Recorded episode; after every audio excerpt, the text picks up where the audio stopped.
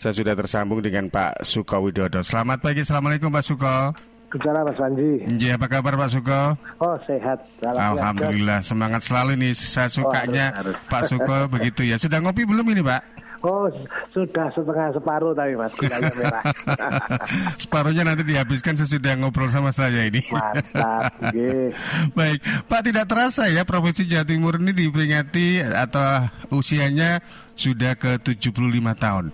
Sebagai satu di antara 34 provinsi di negara Republik Indonesia, apa yang Anda soroti pencapaiannya dan kemajuannya sampai dengan saat ini Pak Suko? Uh, sebetulnya kalau kita tarik ke belakang, kalau setiap ulang tahun kan selalu narik narik ke sumbernya ya. Jawa Timur itu kan entitas yang dahsyat ya, secara historical uh, ada pernah kerajaan yang luar biasa dan uh, tercatat dalam sejarah lebih dari apa uh, artefak yang ada, tetapi kemudian dalam perjalanannya kita menyaksikan masih menyaksikan bahwa bahkan gedung gedung uh, gedung Gerahadi pun peninggalan Belanda dan kenapa Belanda ke sini ya karena uh, kesuburannya uh, uh, Jawa Timur itu. Nah memang celakanya memang kesuburan itu kemudian uh, ya mohon maaf mas ya tidak apa kurang bersignifikan dengan kesejahteraan masyarakat ini kan agak ironi gitu loh. Jadi okay. di situlah ada letak uh, letak yang saya kira sama-sama di hari ulang tahun ke-75 ini Eh, apa apa harus mulai ditata ulang gitu loh. Kok bisa gitu loh. Itu kan penting. Menurut Anda Pak Suko, apa yang perlu dimaksimalkan ini di dalam perkembangan Jawa Timur? Apakah dari sisi ekonominya, pendidikannya, SDM-nya, SDA-nya atau bagaimana ini Pak Suko? Mas, uh, kalau di dalam banyak pengalaman ya, uh, kita tidak pernah bergerak, tidak pernah move on terhadap perubahan-perubahan mendasar misalnya itu kita tidak mau langkah mundur karena ya karena mengerjakan rutinitas itu loh. Nah, saya membayangkan sebetulnya ada semacam tarik mundur, kemudian me, me, me, mengukur potensi uh, potensi alam dan potensi sosial dan di situlah kemudian kita baru menapak melakukan itu. Kalau selama ini uh, apa Jawa Timur kan memang terkenal secara ekonomi gudangnya padi, gudangnya macam-macam. Tapi kan sekali lagi yang jadi sorotan saya adalah soal disparitas ya, jarak antara kaya dan miskin. Itu yang pertama harus di kenapa kok bisa begitu. Kemudian uh, apa yang kedua tentang uh, ini apa hubungan antara pemerintah provinsi dan pemerintah kabupaten kota itu itu kan tampak uh, uh, belum apa belum menghasilkan sesuatu yang sinergis padahal itu kuncinya membangun daerah itu kan kebersamaan itu. Iya betul. Jadi uh, apa ya uh, saya berharap bahwa uh, apa ya pemerintah provinsi harus lebih banyak mendengar apa kehendaknya Mas Panji, kehendaknya saya, kehendaknya rakyat kecil itu Mas. Karpe opo kita ini melarat bareng ya gak apa-apa tapi kono sugih kini melarat jadi uh, sebagai satu apa entitas wilayah saya kira mesti uh, bersama-sama itu yang harus direview Mas. Iya, jadi ini eh, juga tampak di pembangunan di beberapa kabupaten kota begitu ya. Iya. Ada 38 kabupaten kota yang ada di Provinsi Jawa Timur dan iya. memang kalau kita perbandingkan pendapatan asli daerah dan juga pendapatan per kapita di masing-masing kabupaten kota itu kan kadang-kadang nggak sama dan juga benar apa yang disampaikan oleh Pak Suko tadi disparitasnya juga cukup tinggi kalau kita lihat iya. Surabaya Raya dibandingkan dengan kawasan Tapal Kuda dan juga Mataraman itu kan berbeda begitu Pak Suko ya. Iya, iya, iya.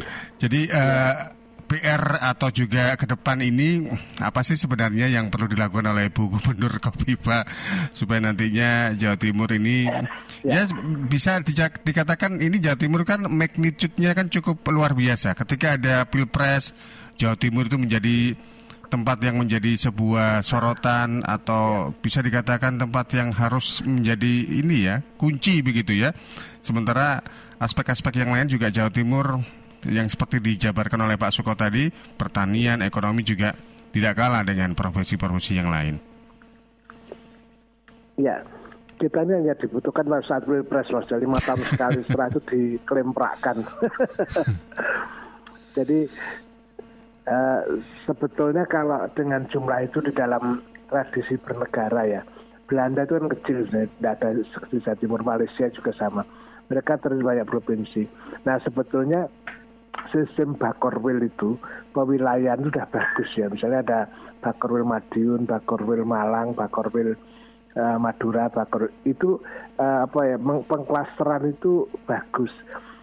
Uh, jadi apa ya otonomi ke daerah itu yang harus dimaksimalkan itu. Jangan jangan setiap selalu mesti harus membuat keputusan harus ke ke apa ke gubernur atau ke Jakarta. Semua keputusan sepele-sepele harus ke Jakarta. Hmm. Jadi kepercayaan pada masyarakat lokal itu dilakukan, sedangkan uh, gubernur tanya ngecek apa yang dibutuhkan Jember, apa yang dibutuhkan Madiun itu dipenuhi dan mereka biar bergerak sendiri itu. Terus kemudian yang kedua kurangi celebration ya, uh, apa ya upacara-upacara berlebih dari uh, aparatur itu ada agak dikurangi lebih banyak pada uh, sekarang aparatur itu jangan di kantor tapi ini mas contohnya gini.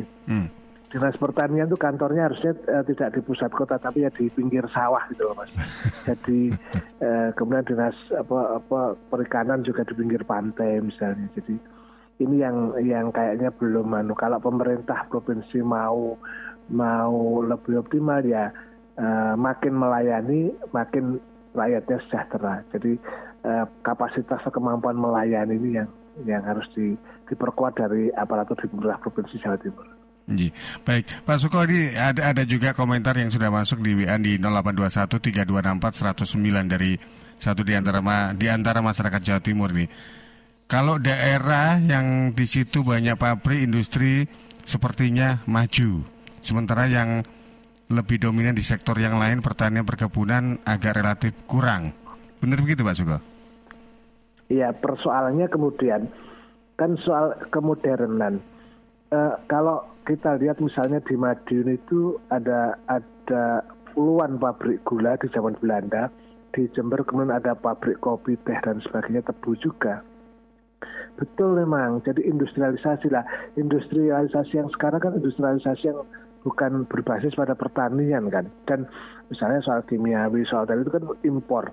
Nah kenapa kita punya bahan-bahan seperti uh, seperti kopi, seperti teh, seperti tebu itu kemudian kita harus, harus impor uh, gula. Ini kan pertanyaan dasar. Kenapa harus uh, kita punya pulau garam tapi impor garam misalnya? Ini kan gila ya. Jadi harus ada revolusi terhadap apa prioritas semacam itu. Itu ya kudu mas. Jadi pemimpin dan itu dukungan DPR. Kalau hanya biasa-biasa ya ya sudah kasihan rakyat kan. Iya. Jadi pemimpin sekarang itu harus luar biasa, tidak harus tidak iya, oh, iya, zamannya biasa-biasa begitu. Ya harus harus berani ya. Ya saya ini ngomong ya saya berani-berani kan sebetulnya kadang-kadang yo ya sudah ya menyemangati tapi kayak gini terus kan ya kasihan anak cucu kita gitu loh Mas. Iya betul. Baik Pak. los wani gak rewel gitu loh Mas. Hmm. Jadi pemimpin itu. Terakhir Pak Suko, harapannya sebagai satu di antara masyarakat Jawa Timur yang juga tokoh uh, Jawa Timur ini terhadap Jawa Timur ke depan supaya di semua tidak hanya seremonial saja gitu ya. Ada hal-hal yeah. positif yang bisa kita banggakan sebagai masyarakat Jawa Timur. Monggo. Ya, saya pikir gini Mas, demokrasi itu kan esensi demokrasi itu adalah uh, apa dari dialektika, diskursus dan kritik pertama uh, para pemimpin jangan alergi kritik, yang kedua memberikan banyak ruang untuk di, diskursus yang mewacanakan persoalan itu persoalan publik itu jangan sampai urusan ke apa urusan kebijakan itu hanya urusannya pemerintah dan DPR. Di sana ada banyak rakyat, ada banyak petani, ada banyak dosen, ada banyak penyiar yang tergabung dalam asosiasinya itu. Mereka manusia dan manusia beneran jadi mohon organisasi yang berisi manusia itu dilibatkan di dalam setiap perencanaan dan uh, apa pelaksanaan serta kontrol kebijakan pembangunan. Uh, kebersamaan itu menjadi kunci. Kalau pemerintah DPR jalan sendiri dan rakyat ditinggal maka ya nanti akan apa akan tidak ada kemajuan yang bisa dinikmati oleh rakyat. Gitu Mas. J, matur nuwun Pak Suko, selamat ngopi kembali, selamat sarapan. Sukses juga untuk aktivitasnya. Salam sehat untuk Anda ini dan keluarga Pak. Iya, iya, iya. Assalamualaikum.